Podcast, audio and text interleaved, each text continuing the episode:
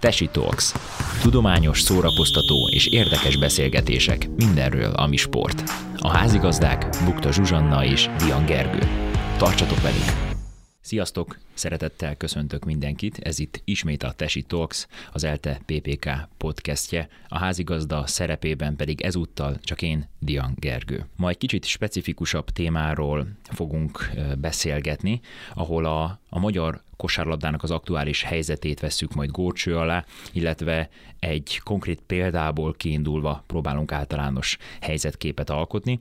Ebben lesznek segítségünkre mai vendégeink, Baksa Szabolcs, a Budapesti Honvéd ESE NBA1 A csoportos csapatának vezetőedzője. Köszönjük, hogy elfogadtad a meghívást, Szabi. Köszönöm, hogy itt lehetek. És Zsivera Gábor, sportszakember, aki egymás aspektusból enged mai betekintést. Téged is köszöntelek, Gábor. Köszönöm szépen a meghívást. Én mindenképpen szerettem volna, hogyha nyilván ez volt a, az egyik fő ö, oka, hogy Szabit is ö, hívtuk erre a mai beszélgetésre, hogy a, a Honvédnak a, az idei példájából induljunk ki. Ugye néhány fontos dolog csak a, a Honvéddal kapcsolatban. Legutoljára a 2000-es évek elején voltak ők az élvonalban, azóta ilyen hullámzó, hol másodosztály eleje, hol inkább vége szerepeltek, és az aktuális idényt megelőző szezonban összeállt egy erős keret, és megnyertétek, megnyerték a, az NB1B piros csoportját, ezzel bajnokként kivívtátok a feljutást az első osztályba.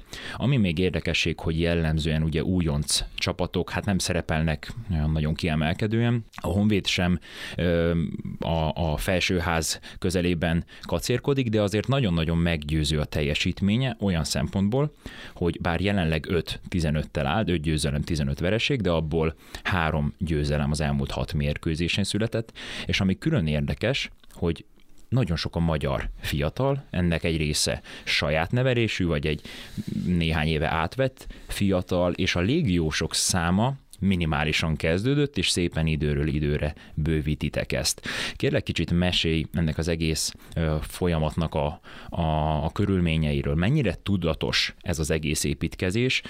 Itt a műsor előtt már beszélgettünk arról, hogy mik a célok, mik az elvárások, és ezért ez egy jó visszajelzés, de kérek mesélj erről kicsit, és akkor induljunk ki ebből. Tulajdonképpen itt arról van szó a Honvédnál, hogy maga az a, a történetem, hogy eljutottunk addig, hogy most visszakerültünk az nb 1 az valójában akkor indult el, amikor az akadémia bevezetésre vagy kiépítésre került. Ugye új vezetőség lett, Báder Marci szakmai igazgatónak az irányításával elindult egy új koncepció, aminek a legfontosabb része továbbra is a tehetségmenedzsment. Itt ugye amikor arról beszélünk, hogy budapesti kosárlabda, akkor valójában ugye a vidéki fellegváraknak megvan egy, egy olyan előnye, hogy ki lehet alakítani lokálpatriotizmust, illetve ki lehet alakítani olyan képet a gyerekekben, hogy tényleg kiskoruk óta tudnak a felnőtt meccsekre menni, az ország legmagasabb szintű kosárlabdáját látják, és látják azt, hogy mi a kifutás, hova lehet eljutni. Itt Budapesten meg megvan az az előny, hogy rengeteg ember él itt, és rengeteg gyerek sportol, rengeteg gyerek kosárlabdázik, de nekik egy akadémia nyilván a magyar kosárlabdáért dolgozik, tehát nekünk az a feladatunk, hogy jó játékosokat neveljünk a válogatottnak elsősorban. De az, hogy ezek a srácok, ezek a srácok a kötelékünkben maradjanak, ahhoz borzasztó fontos az, hogy, hogy tudjunk mi az első osztályban kosárlabdázni, illetve hogy, hogy nekik legyen ez kifutás. Tehát nem csak az, hogy legyen egy felnőtt csapat az NB1-be, hanem, mármint az átcsoportba, hanem hogy ők ez reálisan lássák be azt, hogyha úgy teljesítenek, és a tehetségüket ö, úgy, ö, úgy ö, használják föl, ahogy azt mi menedzseljük, akkor igenis ott lehet kerülni a pályára. És, ö, és lehet, hogy most nem leszünk bajnokok, sőt, már biztos, hogy nem leszünk idén bajnokok, de az, hogy ezek a srácok, ezek rengeteget profitálnak ebből, az biztos. És amúgy nem csak azokra a játékosokra gondolok, akik sok játékpercet kapnak, ha most az utánpótlásunkról beszélünk, hanem azok is, akik, akik följátszanak hozzánk, vagy föledzenek hozzánk. Tehát azt, azt nem lehet egész egyszerűen a saját korosztályodban reprodukálni, hogyha egy légióssal, vagy egy, vagy egy jó teljesítő felnőtt magyar játékossal méred össze a tudásodat edzésem. Szóval a koncepció mindenképpen az volt, hogy a feljutást követően is maradjon meg ez a ez a, a stílusunk, illetve most nyilván nem akarok álszent lenni, azért a büdzsénk az nem betegszik a top csapatok büdzséjével, szóval nem, itt nem arról volt szó, hogy nekünk volt temérdek pénzünk, csak mi nem akartunk venni légióst. Úgy voltunk vele, hogy leginkább a vezetőség, ha most nyilatkozhatok az ő nevükbe, hogy a biztos anyagi lábakon, vagy, vagy biztos anyagi háttér megteremtését követően addig fogunk nyújtózkodni, ameddig a takarónk ér, viszont ez nem azt jelenti, hogy pofozógépek akarunk lenni. Ez egy adottság volt, ezzel én tisztában voltam, amikor elkezdtük augusztusban a munkát, és ehhez kellett kialakítanom egy olyan munkarendszert, vagy hát a stábommal, egy olyan, egy olyan munkarendszert, illetve egy olyan játékstílust, amivel ö, hatékonyak tudunk lenni, amivel ez a csapat egy légióssal, fiatal magyarokkal, és itt nem csak az utánpótlás játékosokról beszélek, hiszen a legidősebb játékosom 94-es születésű, szóval nincs mondjuk 30 fölötti a csapatomba, illetve tök sok olyan játékos van, aki ma most beszéltek általánosítva, akkor ugye a magyar kosárlabda közbeszéd leírt már, vagy azt mondják, hogy ők nem átcsoportos szint, ők nem idevalók, stb. Ő nekik meg kellett adni a lehetőséget és a bizalmat. És szerencsére ez, ez, ez úgy sikerült, hogy tulajdonképpen tényleg kevés olyan mérkőzés volt, ahol mi esélytelnek voltunk, vagy tényleg nagy különbséggel kaptunk ki. Mindenkivel, vagy mindenkit meg tudtunk izzasztani, most ugye jöttek győzelmek is, ami fontos számunkra, és hát azért az, az látszódott, hogy ahhoz, hogy a bennmaradás meglegyen, ami ugye a, a fő célunk, azok amellett, hogy a magyar játékosok meg a fiatalok pályán legyenek, szükség volt erősítésre a keretbe, ezért hoztunk ugye még két légióst, kvázi, hát nem is hiányposztra, de olyan stílusú játékosokat, ami, ami nem volt meg az eddigi keretben, de őket is ebbe a koncepcióba igazoltuk, szóval Tasher 99-es születésű rookie játékos, Isaiah Crowley pedig 98-as születésű, ő már lehúzott uh, két szezont Európába, ez a harmadik szezonja, de tulajdonképpen ők is fiatal játékosok, akik meg akarják mutatni magukat, jól beilleszkedtek, úgyhogy hát ez a koncepció, hanem is röviden, de kifejtve ez a koncepciónk. Ami nagyon érdekes számomra, hogy bár így elmondva, meg összefoglalva teljesen észszerűnek tűnik, hiszen milyen más lehetőség lenne egy újonc, ahogy te is elmondtad, nem, nem akar a hatalmas büdzsével rendelkező csapatnak, és ami még nagyon fontos, ami nekem lejön, hogy ebbe tükröződik az alázat, a munka iránti alázat, tehát nincs más lehetőség egy ilyen csapatnak, csak az, hogy dolgozzon. Gábor, te azért egy jó pár feljutó vagy feljutást előkészítő vagy ezen dolgozó csapat közelében voltál férfi vonalon, és régóta széles körű rálátásod van a magyar kosárlabdára. Te mennyire látod azt, hogy ez egy általános tendencia lenne, hogy, hogy úgy gondolkodnak szakvezetők, sport, sportvezetők, hogy ez egy járható út, mert ami, ami a, az érzékelés alapján kitűnik, az az, hogy egyáltalán nem. Ha valaki feljut, akkor rögtön azzal kezd kacérkodni, hogy majd ilyen meg olyan szuper helyezést érnek el, és hát azért ez kevéssé szokott megvalósulni. Én azt gondolom, hogy nem a célkitűzésekkel van alapvetően a probléma, hanem azzal, hogy mi kell annak az adott célnak az eléréséhez. És amit Szabi nem mondott, meg nem is mondhatott a pozíciójából adódóan, és nem szembedicsérni szeretnélek Szabi, de igazából ami, amiben egyedi szerintem az idei budapesti Honvéd, felnőtt átcsoportos csapata mindenképpen, az a csapat körüli kultúra és annak a kialakítása. Tehát amikor szóba kerül az, hogy fiatal játékosok, fiatal légiósok, fiatal, illetve olyan magyar játékosok, akik már az utóbbi években hát nem a legkelendőbb portékák voltak a piacon, akkor egy dolgot mindenképpen elmondhatunk, és ebben semmilyen elfogultság nincs, és nem lehet bárki, aki a Honvéd mérkőzéseit nézi, az ezt mondhatja. Szinte az összes játékosra, szinte az összes mérkőzésen egyénileg el lehet mondani, hogy ez a játékos az olyan szemlélettel, olyan harcossággal, olyan fókusszal játszik ezeken a mérkőzéseken, ami hozzásegíti őket arra, hogy az egyéni képességeiknek folyamatosan a, a, a határában tudjanak teljesíteni, és alapvetően a, a csapatnak ez, a, ez az igazi ereje, hogy ellenféltől, szerkezettől, egészségtől függetlenül, aki pályára kerül adott mérkőzésen, az, az hisz saját magába, hisz saját társaiba, az edzői stábjába és viszont, és alapvetően a siker nek, mert azt gondolom, hogy ez mondható sikernek, ami eddig történt a Honvéddal, ez a leginkább fontos alapja. Na most, hogyha összefüggésbe akarjuk tenni ezt a témát azzal, amit kérdeztél, akkor arról tudnék leginkább beszélni, hogy itthon sajnos ö, hát a játékost hozni, edzőt hozni, pénzt elkölteni majdnem mindenki tud és szeret, de ehhez kapcsolódó kultúrát kiépíteni, és annak a know-how-jával rendelkezni, nagyon-nagyon kevesen rendelkeznek, és ezzel sajnos igen kritikát kell megfogalmaznom a, a, a magyar sportvezetők felé, és itt most, hogyha leszűkítjük ezt, akkor a magyar férfi vonal felé. Plusz célok, hosszú távú gondolkodás. Valamiért, és nem, tehát tényleg az egy nagyon pozitív dolog, hogy a vidéki városokban, és most már szerencsére itt a Ludovik arénában is egyre több néző van, van hangulat, van szurkolás, tehát mindenhol a, a vidéki városokban magáinak érzi a csapatot a, a, a közönség, és tényleg magyar szinten jelentős számú tömegeket sikerül megmozgatni. Nincs közép-hosszú távú gondolkodás, ami azt eredményezi, hogy itt akár ha játékos építésről beszélünk, akár a csapat hosszú távú eredményességéről nem úgy képzeli el ezt a vezetőknek a többsége, hogy oké, okay, most bocsánat, hogy ezt mondom, mindegy, hogy tizedikek vagy hatodikok leszünk abban a, abban a bajnokságban, azért az egy-két-három helyezésért is olyan szinten feladjuk a jelent, pontosabban olyan szinten feladjuk a jövőt a jelen érdekében, hogy, hogy nagyon, tehát azt a pár játékost, akit ki lehetne termelni egy két-három év múlva, vagy négy-öt év múlva lévő közép vagy, vagy bajnokesélyes csapatnak a magjaként, azt nem neveljük ki, mert igazából ezek a játékosok még azt sem mondom, hogy nem feltétlenül kapnak percet, de nem, nincsenek felépítve felnőtt szinten. Amikor magyar utánpótlásról beszélünk, akkor nagyon sokan megfeledkeznek arról, hogy ennek az egésznek két szintje van.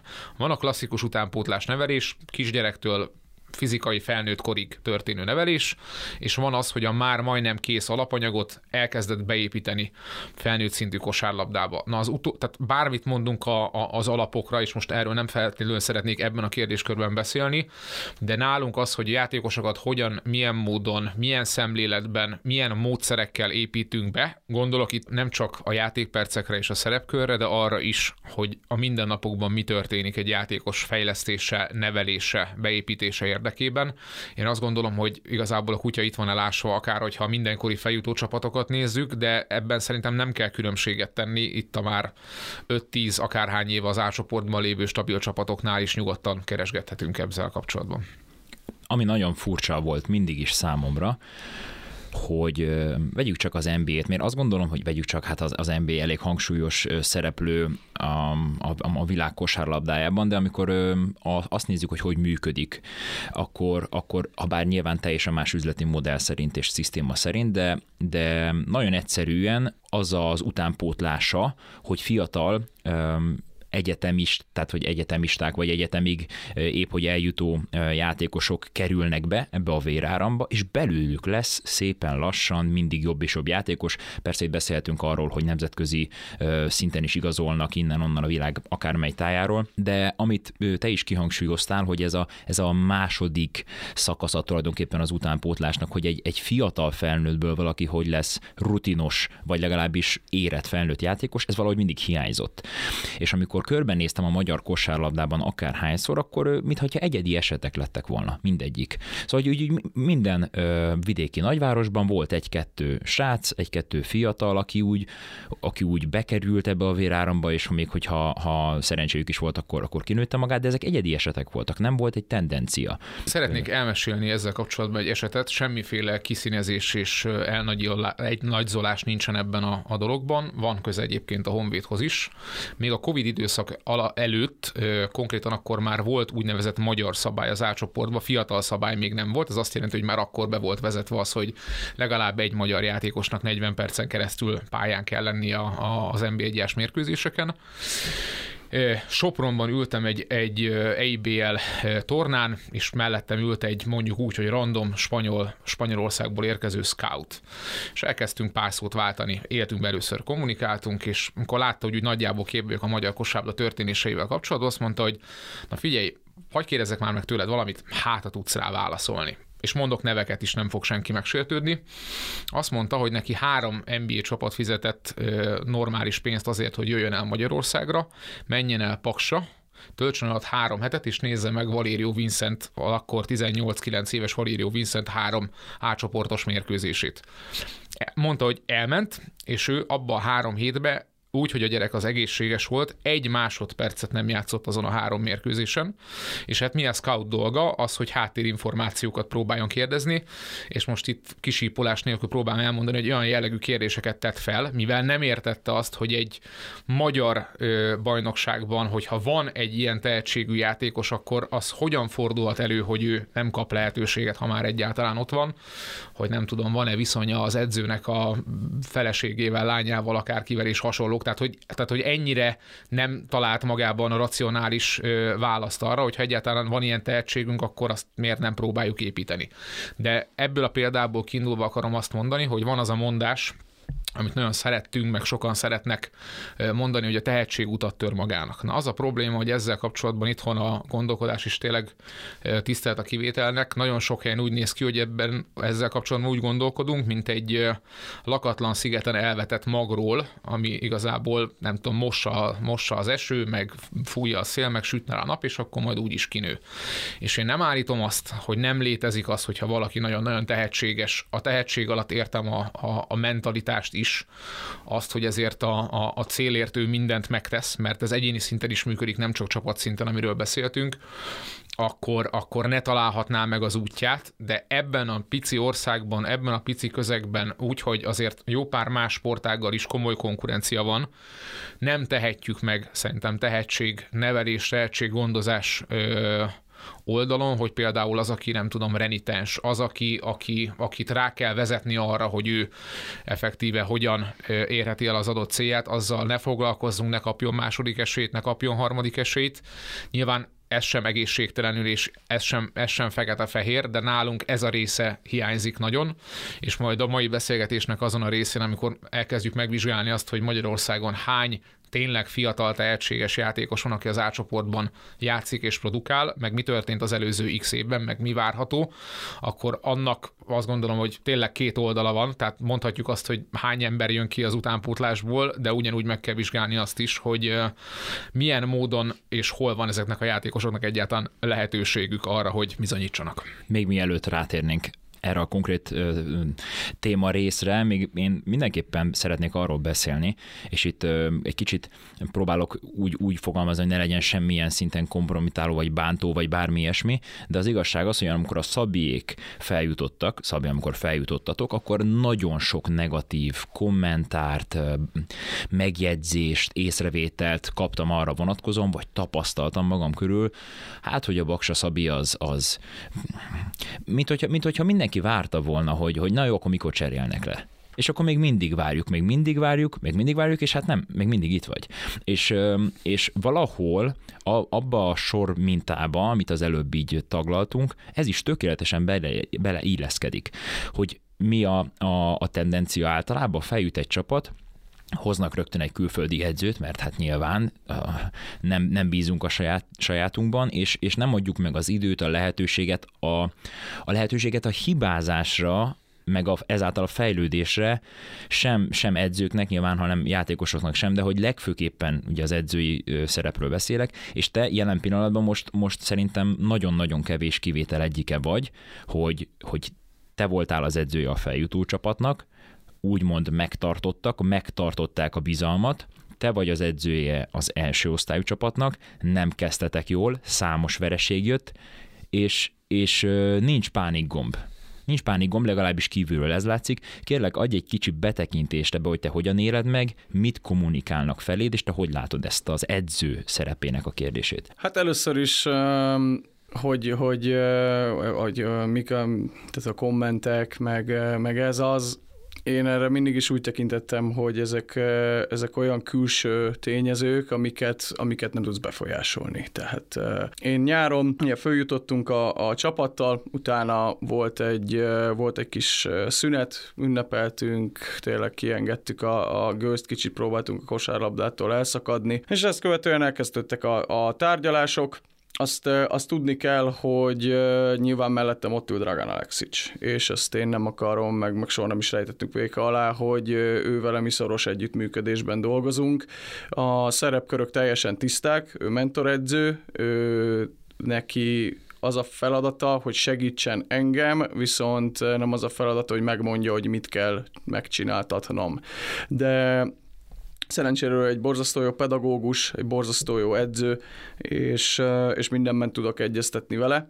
Ebből kifejezetten erre szükség volt ahhoz, hogy az első osztályban tudjak működni. A másodosztályt azt, azt ismertem évek óta, ott dolgoztam, tehát az, az egy kicsit más történet volt. A vezetőség részéről ez úgy nézett ki, hogy ők is kivártak egy kicsit, megnézték, hogy, hogy mi merre, hány méter, hol, hol merre tudunk elindulni, viszont ami, ami nagyon pozitív nálunk, és ezt nem csak a saját példámra mondom, de nyilván ez ennek én is a, a pozitív oldalán vagyok, hogy nem csak játékos tehetség gondozással, neveléssel foglalkozunk, hanem edzők menedzselésével is foglalkoznak, és ez Báder Marcinak szívügye. Emellett pedig mindenki más, szóval én most nem azt mondom, hogy, hogy én, én, én egy kiválasztott vagy, vagy hogy mondjam, én nagyon különleges lennék, viszont azokat az értékeket, amiket a Honvéd hordoz, amik a vezetőség számára fontosak, így a kemény munka, a lojalitás, az alázat, a, a, a nyitottság, az hogy, az, hogy tényleg alárendeled magadat a, a célnak, nincs benne öncélúság, az, az hogy ide eljövök, az, az nem, nem magamutogatás, vagy ilyesmi, ugye kérdezted, hogy, hogy milyen média megkereséseim vannak, vagy ilyesmi. Én nem akarom. Én, én azt szeretném, hogy, a, hogy ez, amit a Gábor mondott, ez nekem egy nagyon jó visszajelzés, hogy kívülről, aki kijön a mérkőzésünkre, részünkre, az ezt látja. Ez a lényeg. És a vezetőség azt gondolta, hogy ezt a kultúrát én meg tudom teremteni, valószínűleg pont azért, mert azt a munkát, amit én elvárok a játékosoktól, vagy azt a szemléletet, vagy azt az alázatot és küzdést, azt én ugyanúgy az én munkámba beleteszem, és nem, nem egy ilyen nagyon autokrata módon próbálok irányítani, hanem példával, vagy, vagy, vagy befektetett munkával próbálok irányítani, és, és hát szerencsére, vagy hát ez nem szerencse, én még egyszer azt mondom, hogy én a maximumot adom, és, és teljes mértékben lojális vagyok a klubhoz, a vezetőséghez, és azokhoz a, ahhoz a policyhoz, ahhoz, a, ahhoz a, a kultúrához, amit ők szeretnének megvalósítani, és ők úgy gondolták, hogy erre én vagyok az alkalmas ember. Még egyszer ez, ez stábmunka, mind Dragán, mind,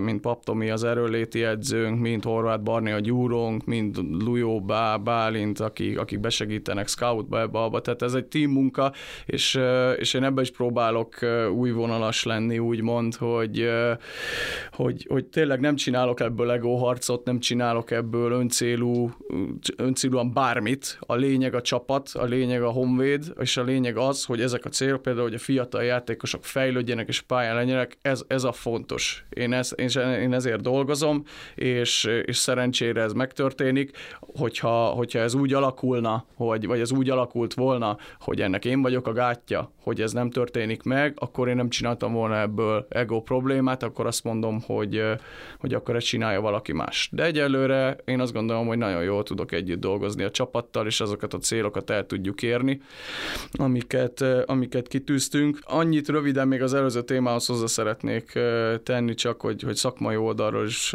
megtámogassam például ezt a, a vincent kapcsolatos történetet. Egy fiatal játékosnak a beépítése, vagy, vagy az, hogy ő a pályán tudjon lenni, az javarészt bizalmi kérdés egy edző részéről, én azt gondolom. Nem feltétlenül vannak mondjuk egy 18-19-20 éves játékos egyénileg azon a szinten, mint egy légiós, vagy egy több éve a magyar NB1-ben kosárlabdázó magyar. Ez csak és kizárólag a bizalom, az csak a befektetett munkával alakítható ki. Ergo ezt a játékost, ezt meg kell tanítani arra a kosárlabdára, amit te játszani szeretnél. Ha te egy individuális kosárlabdát szeretnél játszani, amiben a három légiós azt csinál, amit akar, idézőjelbe, és, és nem akarok senkit bántani egy példát mondani, de hogyha te teljesen a, a legjobb játékosaidnak az, az egyéni képességeire építesz, abban nem, abba, abba a magyar játékos akár a pályán van, akár nincs a pályán, nincsen bevonva a játékba, és ha hibázik,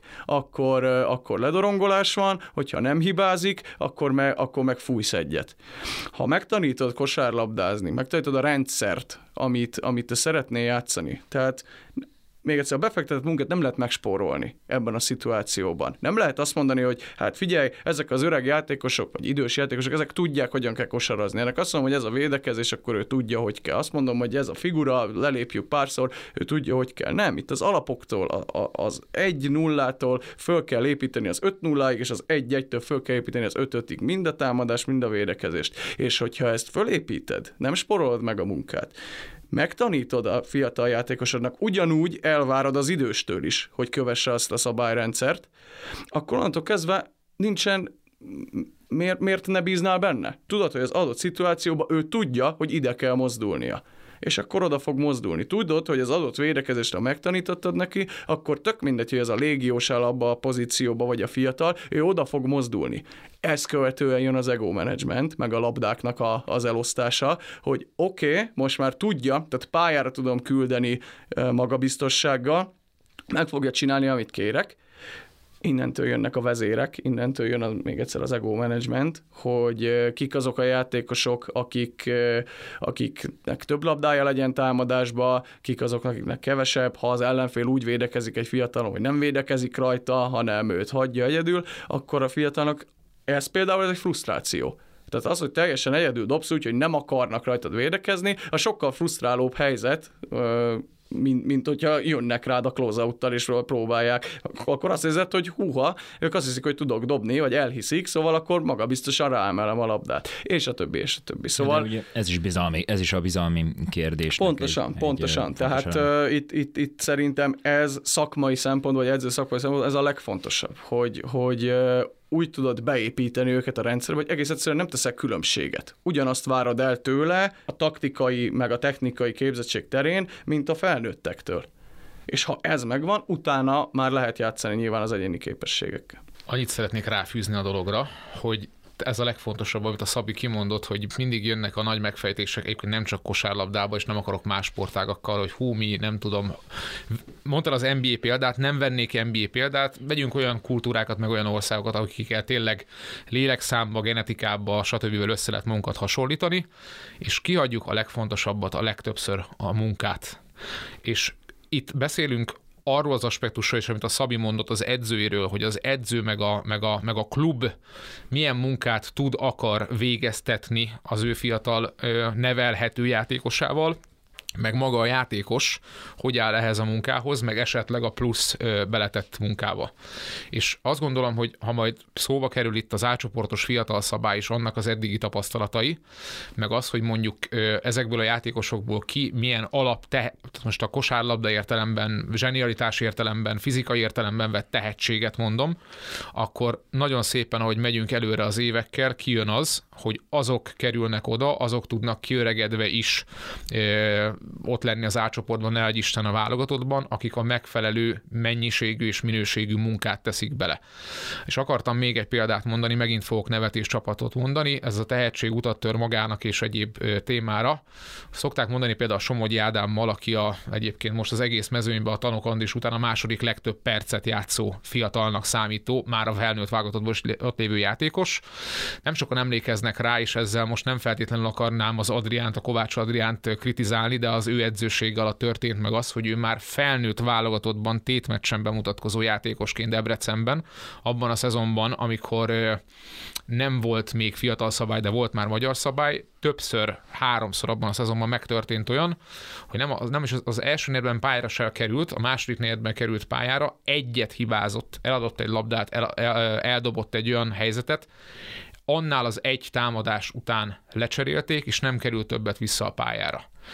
Kettő, ugyanaz a játékos ugyanebben a szezonban, ugyanebben a csapatban, többször megtörtént az, hogy úgy ötötöztek edzéseken, hogy légiósok magyarok, vagy idősek fiatalok.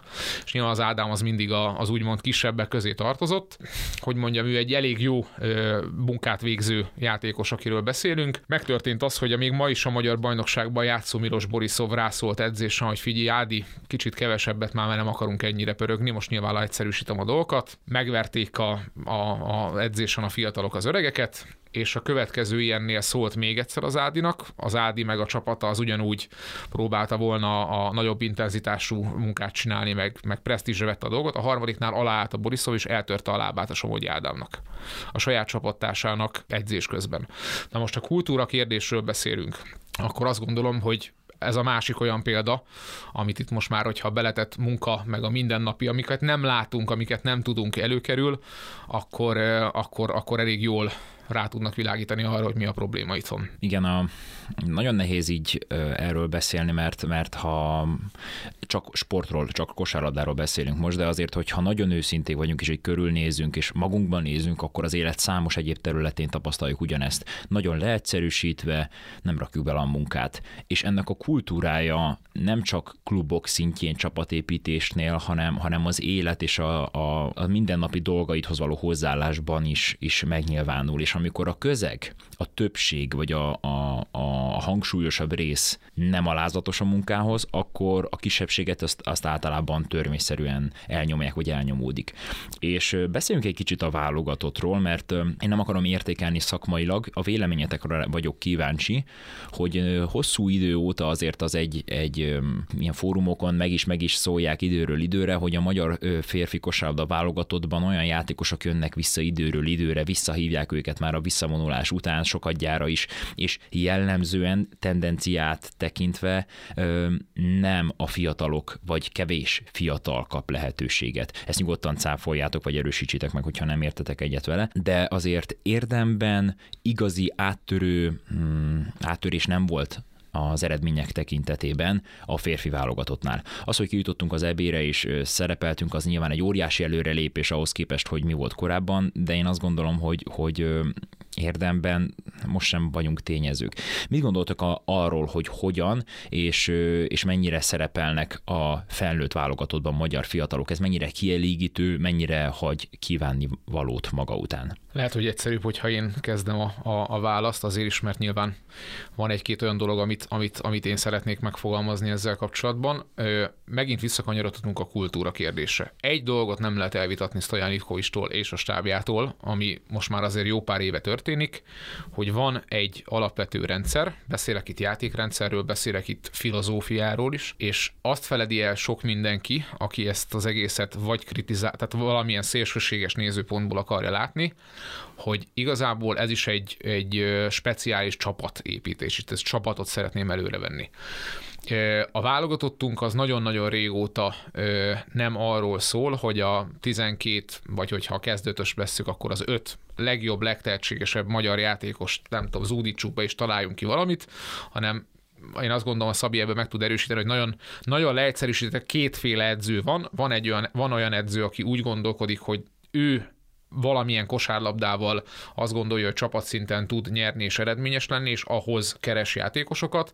Meg van olyan edző, aki most kis túlzással mondom, hogy bármilyen ö, mixből ki tudja hozni az arra a mixre, arra a keretre ö, rászabható leginkább ideális játékos. Nézzük meg, miből Stojan, Stojan egyértelműen az, az, az a fajta edző, aki inkább ö, hisz egy valamilyen rendszerbe, és arra nyilván, hogy szerepek vannak ebben a rendszerben. Ez már önmagában jó egyébként, hogy, hogy ez a gondolkodás van, és ez az szerintem, ami elvitt minket oda, mint magyar válogatottat, hogy egyáltalán kijutunk az Európa-bajnokságokra, és tudunk a, a hozzánk hasonló szinten lévő válogatottakkal tényleg értelmes sportértékkel bíró mérkőzéseket játszani, és sokszor egyébként nyerni is. Ha, hogyha azt nézzük, hogy mi a következő lépés, hogyan tudunk fejlődni, hogyan tudunk fiatalokat beépíteni, akkor most nem akarom előszedni azt, hogy ugye mennyi tehetség van, nincs, őket hogyan beépíteni és egyéb. Itt megint az edzőnek a bizalma jön. Ha megnézzük azt, hogy kik azok a fiatal játékosok, akik most a fiatal alatt értek, mondjuk válogatott szinte lehetünk egy kicsit megengedőbbek talán. Tehát én azt gondolom, hogy ott mondjuk, most hagyjuk a magyar fiatal szabályt, ott mondjuk ilyen 22 éves alatta lévő játékosokról beszéltünk. Elsősorban Somogyi Ádámról, másod, másodszorban, itt most a másodszorban azért mondom a játék lehetőség szempontjából nézem ezt, Lukács Norbiról. Leginkább róluk lehet beszélni, és akkor emellett vannak még egyen-ketten ott a keretbe, például Kis Dávid feltűnt, lépett pályára adott mérkőzésen, ugye Fazekas volt válogatottban, Pallai Tamás volt válogatottban, volt már egyébként a Vincent válogatottban, de igazából kettő olyan 22 év alatti játékosunk van, aki, akinek úgy látszik, hogy ebben a rendszerben van van, van vagy lehet jelene, meg lehet jövője. Itt már nagyon sok mindenki elbukik és megbukik, mert akiket felsoroltam, azok között is, ha például a Vincentről beszélünk, igazából én ezekkel nem mondok nagy dolgokat, mert a szövetségi kapitány ezeket lenyilatkozza gyakorlatilag különböző platformokon, hogy például a Vincent, ő nem elsősorban a kosárlabda tehetsége miatt vagy annak hiánya miatt nincs ott a válogatottban, vagy annak környékén, hanem elkezdtek együtt dolgozni, és igazából azt olyan olyan dolgokat tapasztalt, ami után ő nem látja ebbe a rendszerbe őt beilleszthetőnek. Most mondtam ezzel kapcsolatban valamit. Egyébként én azt gondolom, hogy nem, nem, nem szeretek úgy nézni korosztályokat, nem szeretek úgy nézni akár korosztályos válogatottakat, vagy tehetségeket, hogy most az magyar szinten erős, nem erős. Persze lehet ezt mondani, de mind, ezt mindig a, a, a, az adott nemzetközi ö, versenyhez kell szerintem nézni. Tehát amikor arról beszélget valaki, hogy nem tudom, az U18-as, U20-as, U16-os válogatottunk ilyen olyan olyan erős, az általában abból szokott kiindulni, hogy a magyar viszonyok között ott mennyi tehetség van, és nyilván ugyanilyen tényező az, hogy nemzetközi szinten az a korosztály mennyire erős. És azt akarom ebből az egészből kihozni, hogy szerintem Magyarországon azzal nincsen gond, aspektusban sem, eredményességben sem, vagy nem azzal van a legnagyobb gond, hogy nem tudom, az utánpótlás válogatottaink hogyan szerepelnek, persze szerepeljenek lényegesen jobban, hanem itt teljesen egyértelműen azt kellene megcélozni, hogy minden, minden korosztályból, vagy minden második korosztályból, ha most itt mondtunk Somogyit, meg mondtunk Lukás Norbit, akkor jöjjön ki egy-egy vagy kettő ilyen jellegű játékos, vagy ilyen szintű, ilyen mentalitású játékos. E, e, ez szerintem az, az aspektus, amivel nekünk foglalkozni kell, és, és a legnagyobb probléma szerintem azzal van, hogy ha visszatérünk a mindennapi menedzserésre, a, a leginkább a magyar élvonalbeli bajnokságra, akkor itt nehéz találni Egyébként ugye még egy nevet hagytunk ki a Moronka Zsomborit, aki 2002-es születésű játékos a spanyol élvonalban, most már szerencsére rendszeresen játszik kölcsönben a Real Betis csapatánál, de például ő is egy olyan játékos, aki már volt a válogatottban, viszont jelenleg nem, nem tagja a, a, a keretnek. Érintettségem miatt nem szeretnék nyilatkozni ennek a hátteréről, de, de azt gondolom, hogy egy-egy tehetség van, egy-egy tehetség volt. Nekem azzal a problémám a kulturális dolgok miatt nincs, hogy amit te is mondtál, hogy visszahívnak idősebb játékosokat, inkább azzal van a, a, a, a gond szerintem. Tehát ez már annyira a jéghegynek a csúcsa, hogy igazából a problémákat vagy a megoldást a sokkal inkább ott kell keresni, hogy a magyar élvonalbeli bajnokságban hány játékos lehet felépíteni, arra a szintre, hogy egyáltalán szóba jöjjenek. Én nekem volt szerencsém pár válogatott összetartáson részt venni Kecskeméten, amikor még ugye most is újból Stojan Ivkovics lett az U20-as korosztálynak a szövetségi kapitánya, de volt még egy a Covid előtti, pont ugye az az EB maradt el a Covid miatt, ahol Stojan lett volna a, a kapitány, és én akkor az úszas válogatott stábjában dolgoztam, tehát volt szerencsém eltölteni egy pár napot együtt velük. Amit tudni kell Stojanról, és azt gondolom, hogy nem, nem árulok el hatalmas kulisszatitkot, nála kettő szó van, ami, ami leírja a filozófiáját, és ezt el is mondta egyből az első edzés legelején, ez a rend és fegyelem. Ez a kettő, ami, ami jellemző rá, és az ő csapatára. Minden edzőnek meg kell hagyni, ha bizalmat szavazunk neki, már pedig bizalmat szavaztak a szövetségben neki, hogy úgy dolgozzon, ha már alkalmasnak találták arra, hogy ő egy mondjuk egy ilyen kvázi az ország legfontosabb csapatának legyen a, a vezetője, hogy úgy dolgozzon, ahogyan ő azt jónak látja, és ahogyan az, abban ő sikeres tud lenni, vagyis hát sikerre tudja vinni a, a, a válogatottat. Ezt olyan, hát még egyszer mondom, ebben a két szóban manifestálódik rend és fegyelem. Aki ebben nem tud beleilleszkedni, azt olyan rendszerében nem tud beleilleszkedni. Aki pedig ebben nem tud beleilleszkedni, abból azt olyan nem csinál lelkiismereti problémát, hogy, hogy lecserélje, vagy kikerüljön a keretből, méghozzá azért, mert bár sokan, és én most nem akarom védeni, vagy, vagy párt, vagy, vagy ideálni, vagy odaállni, csak edzői szempont szempontból mondom azt, hogy azért ez még egyszer Magyarország, tehát az ország a szövetség legfontosabb csapata. Ez nyomás ez mindenkit érdekel. Ez nem csak a körmendi szurkolót érdekli, nem csak a szombathelyét vagy a Budapestit, ez minden magyar kosárlabda vártat érdekel. Ergo a nyomás is sokszorozódik, teljesíteni kell a csapatnak. Engedtessék meg, hogy az edző ezt úgy csinálja, ahogyan ő a legjobb tudása szerint tudja. Az, hogy ez, ezzel egyetértünk-e, vagy nem értünk-e egyet, nyilván erről lehet vitatkozni.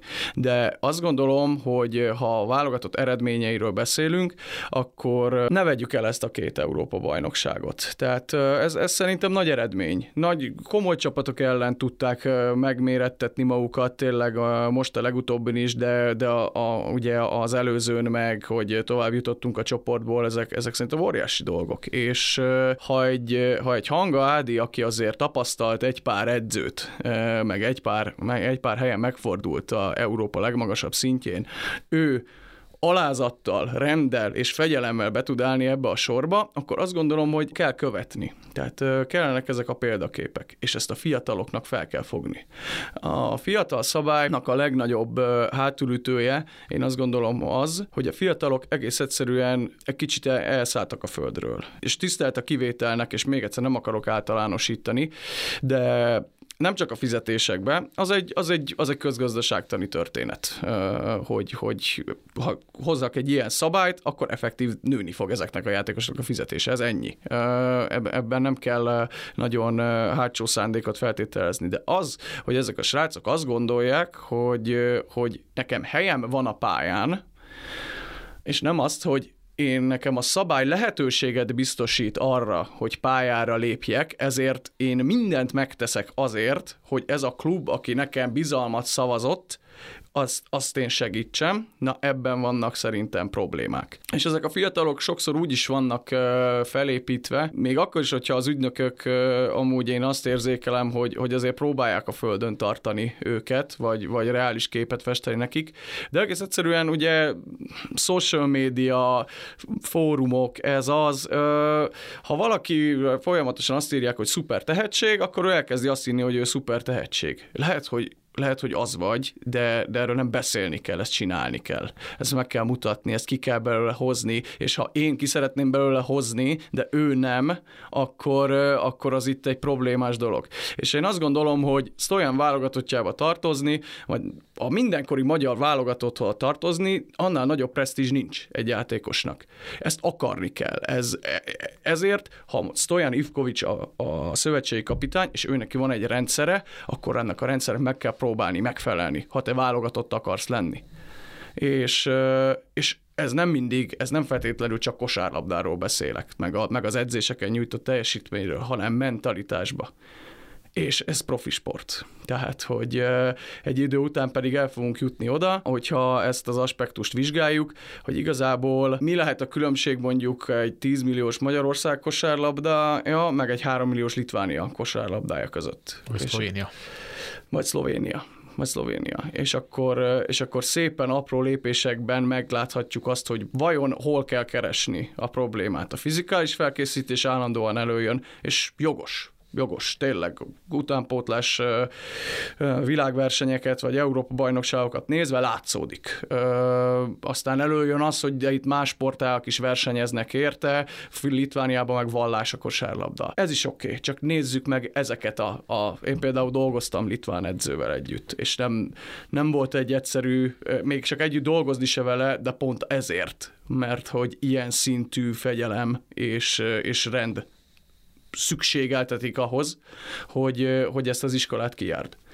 Úgyhogy én, én pozitív vagyok a válogatottal kapcsolatban, még egyszer nem akarom, most ez lehet, hogy úgy, úgy jött le, mint hogyha én most védeni akarnám a szövetségi kapitányt, nem erről van szó, én edzői szemmel ezt gondolom, hogy egy, egy létező rendszerbe annak kell beletartozni, aki azt, annak a rendszernek a kritériumait ki tudja állni és hogyha egyszer majd lesz egy másik rendszer, akkor lehet, hogy másképp lesznek, és akkor lehet, hogy abba is lesznek olyan játékosok, akikre azt mondják, hogy hát köszönöm szépen, de nagyon tehetséges vagy, meg mindenki azt mondja, hogy neked oda kéne jönni, de, de én vagyok a szövetségkapitány, én tudom, hogy mire van szükségem ahhoz, hogy a csapat sikeres legyen.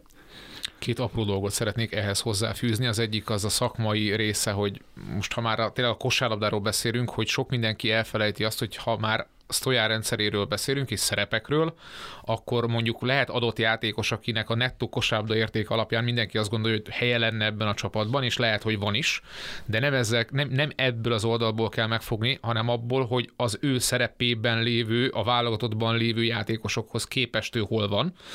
A másik pedig az az, hogy szerintem itt a célokkal, meg az eredmények értékelésével ami, ami szerintem nagyon fontos, és ebben teljesen egyetértek a Szabival. Lehet, hogy lehetnének magasabb célok is, ezt nem akarok erre se igen, se nem mondani, de hogyha van valami, amit éveken, évtizedeken keresztül nem értünk el, ergo kijutni egy Európa bajnokságra, akkor tudni kell értékelni azt, hogy ha ez megtörténik, és megtörténik ö, többször egymás után. Tehát ez is, ez is egy jelentős előrelépés. Tehát lehet abból az aspektusból megfogni, hogy esetleg lehetnénk-e, vagy kellene jobbnak lennünk, de mindenképpen abból meg kell fogni, hogy, hogy realizálunk valamit, amit előtte jó pár más szövetségi kapitány és táb nem tudott realizálni. Meggyőztetek, bár nem voltam a, a sarkosan a másik oldalt, illetve hát egy picikét próbálom mindig az ördög ügyvédjét, ahol lehet játszani, de jól feltérképeztétek és feltártátok tulajdonképpen akkor, hogy igazából kijelenthetjük, hogy egy ország vagy egy nemzet sport, valamelyik sportágának az adott állapotát nem szabad a válogatott szereplése alapján megítélni kizárólag, hiszen, ahogy a Szabi nagyon jól mondta, ez az ország első számú csapata, de nem az egész ország teljesítményét leképező vagy tükröző valami. És az nyilvánvalóan a szövetségi kapitány privilégium, hogy kit válogat be, de nagyon nem mindegy, hogy mekkora poolból, vagy hát mekkora halmazból tudja, és milyen minőségű halmazból tudja kiválogatni. Akkor viszont, ha nem ez, de azt hiszem, hogy ebben konszenzus van, hogy ha nem ez, akkor, akkor micsoda az, ami alapján mi meg tudjuk ítélni, hogy ma a magyar kosárlabda hogyan is áll, és tudom, hogy Gábor, te érintettséged okán egy picit jó, rá, jó rálátással rendelkezel a női vonalra is, és talán érdemes csak említés szintjén összehasonlítani, vagy viszonyítani, hiszen az is magyar kosárlabda. Próbáljuk egy kicsit így összegezve, hogy akkor mi az, ami alapján meg tudjuk ítélni, hogy milyen egy adott, egy adott kosárlabda helyzete, és hogyha ezt meg tudjuk ítélni, akkor ez alapján hogy állunk ma. Van egy aspektus, ami alapján ez nagyon-nagyon megfogható. Igazából, hogyha most az élvonalbeli bajnokságokat akarod rangsorolni, igazából három olyan teljesen objektív tényező van, ami alapján tudod, és akkor vegyük mondjuk csak Európát.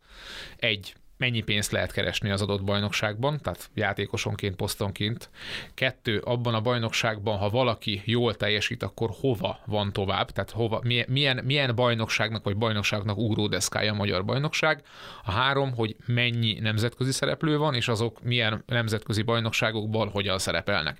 Na most ezen három tényező alapján viszonylag egyszerűen be lehet sorolni a felnőtt férfi élvonalbeli bajnokságokat illetve hogyha már válogatott szereplésről beszélünk, akkor nyilván itt a, a EB-kre, VB-kre, olimpiákra a kiutás, ki nem jutás helyezések az meg egy másik. Tehát a kettőt szerintem külön kell kezelni, és azt lehet mondani, hogy ahogy nálunk is van ebben eltérés, hiszen akárhonnan nézzük meg a magyar élvonalbeli bajnokság, Európa rangsorában előrébb van, mint ahogy a magyar válogatott szerepel ezeken a rendezvényeken. A másik része, most beszéltünk a női kosárlabdáról, nagyon-nagyon röviden. Nálunk a finanszírozási rendszer miatt miatt, illetve a férfi és a női kosárlabdában lévő nemzetközi konkurencia miatt. Az a tényező, hogy most nagyon egyszerűsítem mondom, de hasonló pénz van a női kosárlabda és a férfi kosárlabda finanszírozására, fejlesztésére, az már önmagában egyértelműen azt eredményezi, hogy a női kosárlabdában eredményesebbek leszünk, mint a férfiban. Ez nem, ez nem lehet, nem, ez bármelyik másik országot néznénk a világon, ne, szinte nem történhetne máshogy. És ezzel nem degradálni akarom egyik vagy másik nemet, és az abban dolgozó szakembereket. Én azt gondolom, hogy ennek köszönhetően is van kulturális különbség. Hiszen amikor egy országban van három euróligás csapat, van aktív női NBA játékos, külföldi is, aki itt játszik, meg magyar, aki a, a női NBA-ben játszik, akkor teljesen más lemenni egy sok Soproni, Szexárdi, Diósgyőri, és mondhatom az Európa kupás csapatoknak a, a, a lány utánpótlás gyerekeik, akit, akit ezt a levegőt szívják, erre a mérkőzésre mennek el, ezt látják példaként, velük tudnak fiatalként edzeni, és most megint nem negatív példaként mondom, mert az is nagy dolog, hogy a Honvédnak Budapesten van már átcsoportos csapata, de ahol mondjuk Budapesten éveken keresztül nem, hogy Euróliga meccsre nem tudtál elmenni, hanem magyar élvonalbeli meccsre sem tudtál elmenni, tehát hogy más egyáltalán az, amiben, ha már megint a kultúrát érintjük, a szint, ahová el lehet effektíve jutni. Úgyhogy én azt gondolom, hogy az első számú különbség a két sportág eredményessége között az mindenképpen ez. A női kosárlabdánkra, pláne így, hogy egy friss Európa bajnokságra való kiutás után vagyunk, ami, bocsánat, hogy ezt mondom, de a jelenlegi tehetség pullal és a, azzal, hogy van három női Euróligában szereplő csapatunk van, három vagy kettő és fél, mert ugye a csata csak a selejtezőben volt ott, és végül is nem tudta magát kvalifikálni Európa kupában induló csapatunk, és ez tele van játszó, sokat játszó és meghatározó szerepet is betöltő magyar játékosokkal. Szerintem abszolút a, a valaha volt csúcsát éli meg jelenleg. Euróliga győztes a Sopron, nem akarom ezt, ezt nagyon részletezni, és van bőven ö, olyan tehetségünk is, itt mondjuk a 98-tól a 2008-as, tehát ez 11 évjáratot felüledő korosztályt akarom mondani, ami, ami tele van. Pontosabban mindenhol van egy-egy olyan tehetségünk, mint amit a felnőtt férfi válogatott kapcsán mondjunk Somogyi vagy Lukács kapcsán. Tehát, hogy a magyar női kosárlának a jelene és a jövője is ilyen szempontból jól néz ki. Mondhatok egy dolgot, és nem akarok nagyon ennek a részleteibe belemenni, de ez a fizikai, fizikai képzés, a másik meg ugye a kultúra volt. Én azt gondolom, hogy ez az a két dolog, és nyilván a beletett munka az ennek az oldalán is megvan. Egész egyszerűen annyira leegyszerűsíthető a, a, a magyar kos, férfi kosárlabdának a, a fejlődési ö, lehetőségei. Most már azért az infrastruktúrális helyzet, TAO politika minden egyébnek köszönhetően rengeteget javult, azt gondolom, hogy erre összességében nem lehet panasz. Van elég, van sok gyerek, aki kosarazik és szereti ezt a sportágat. Beszéltünk ar- arról, hogy a média reprezentáltsága az aluli vagy felüli a kosárlabdának, erről lehet vitatkozni, de hát három-négy NBA mérkőzést meg tudunk nézni magyar nyelven. Most éppen nincsen Euróliga, de igazából a mai, hogy mondjam, viszonyok között már, ha valakit ez nagyon érdekel, akkor potom pénzért elő tud fizetni, és online tudja nézni a mérkőzéseket, a magyar bajnokságot között. Tehát, hogy ki tudsz menni egy csomó városba most már Budapesten is mérkőzésekre.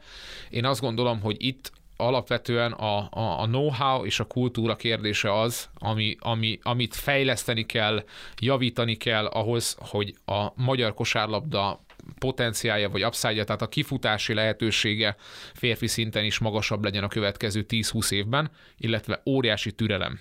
Tehát amikor arról beszélünk, hogy nem tudom, TAO rendszer, akadémia rendszer, kiemelt akadémia rendszer és egyéb, akkor ezeket, ezeket nem két-három-négy éves távlatban, hanem 10-15 éves távlatban lehet elkezdeni érdemben megítélni, és ezzel sem akarok fekete-fehér gondolkodásba vezetni, de idő kell, és ott is kell a hibázásra is igazából abból hagyni, mert az, hogy mondjuk egy adott csapat nem tudom 2011 óta tau gazdálkodik, és az hány tehetséget adott ki, hova, hova tudott eljutni, abban igenis ne, nem, nem, nem szabad abból kiindulni, hogy csak a tökéletes, csak a jó. Vannak jó példák, vannak rossz példák, vannak köztes példák, de a, az adottságnak ez a része, ez megvan, gondolkodásban, türelemben, hozzáállásban, bizalomban kell javulnunk elsősorban. Szabiti, mint potenciális első fecskék, vagy legalábbis az a, az a közeg, ahol felsejlik ennek a megvalósulása. Te hogy látod, lehettek ti jó példák, lehettek ti egy jó minta, amit át tud venni, sematikusan mondjuk kisebb-nagyobb más ö, magyar egyesület, akár akadémia, akár kis egyesület, akár együttműködve veletek, vagy más akadémiával? Hát először is a női vonalhoz kapcsolódóan csak kitekintés szintjén gratulálok innen is Székely Norbinak és a válogatottnak. Nagyon szépen lehozták ezt a két mérkőzést, és nagy dolog, hogy a női válogatott újból kim van az Európa bajnokságon, és örüljünk ennek, és szurkoljunk nekik. Hát nézd, én azt gondolom, hogy hogy nagy titkok nincsenek. Most sem hiszem, hogy érezhető lett volna, hogy bármit szeretnék eltitkolni, több, hogyha most ezt hallgatja valaki, hogy most akkor hirtelen ellopják a, az ötleteinket, és máshol is így fogják csinálni. Ebben nincsen, nincsen túl nagy megfejtés. Még egyszer, uh, itt, itt, itt kialakult egy olyan közösség, uh, mondhatom azt például, hogy a sportvezetőink is, tehát Báder Marci, mint sportvezető, ő azért ö, fiatalnak számít. Oké, okay, hogy nyilván a Szolnokon volt már sportigazgató, és most itt is már három éve itt van, de alapvetően ő egy, ő egy, egy fiatalosabb szemléletet tud behozni. Uh, ugyanúgy, akik uh, a, a Honvédnak az elnöke Gerge István, ő is ezt támogatja, és ezt szeretné uh, visszalépni a Honvéddől. Ebbe beleilleszkedik az, hogy fiatal magyar edző van uh, egy mentoredző mellett, beleilleszkedik az, hogy fiatal magyar játékosok vannak, és nekünk ez az érték. Mi, mi, minket ez érdekel, engem ez mozgat, amikor, amikor készülök egy edzésre, vagy egy mérkőzés felkészülésre, hogy, hogy ezek a srácok, akikről beszéltünk, hogy ezek, ezek megkapják a bizalmat, ezek tudják bizonyítani azt, hogy, hogy, ők, hogy ők jó játékosok, vagy hogy ha dolgozol velük, akkor igenis ki lehet hozni belőlük, amit Gábor mondott, a teljesítő képességük maximum a környékére lehet őket vinni. Hogy most ez pontosan egyénileg mennyit ér, ezt mindenki döntse el magának. Ezzel kapcsolatban mi sémát adjunk, vagy, vagy, vagy, vagy példát, Nyilván én ennek örülnék. Én azt gondolom, hogy ennek van létjogosultsága, amit mi csinálunk, de én nem ítélkezek azok fölött, akik ezt másképp csinálják, meg hogy is lenne jogom az, hogy bárkit eh, megítéljek. Meg ebben nincsen részemről, vagy részünkről eh, igazából ilyen dac politika, hogy most mi csak azért is másképp akarjuk csinálni, mint ami itt a bevett szokás, hanem eh, én, én hiszek ebben, én hiszek ebben az útban. Én, én szerintem ez egy, ez egy ez értéket teremt.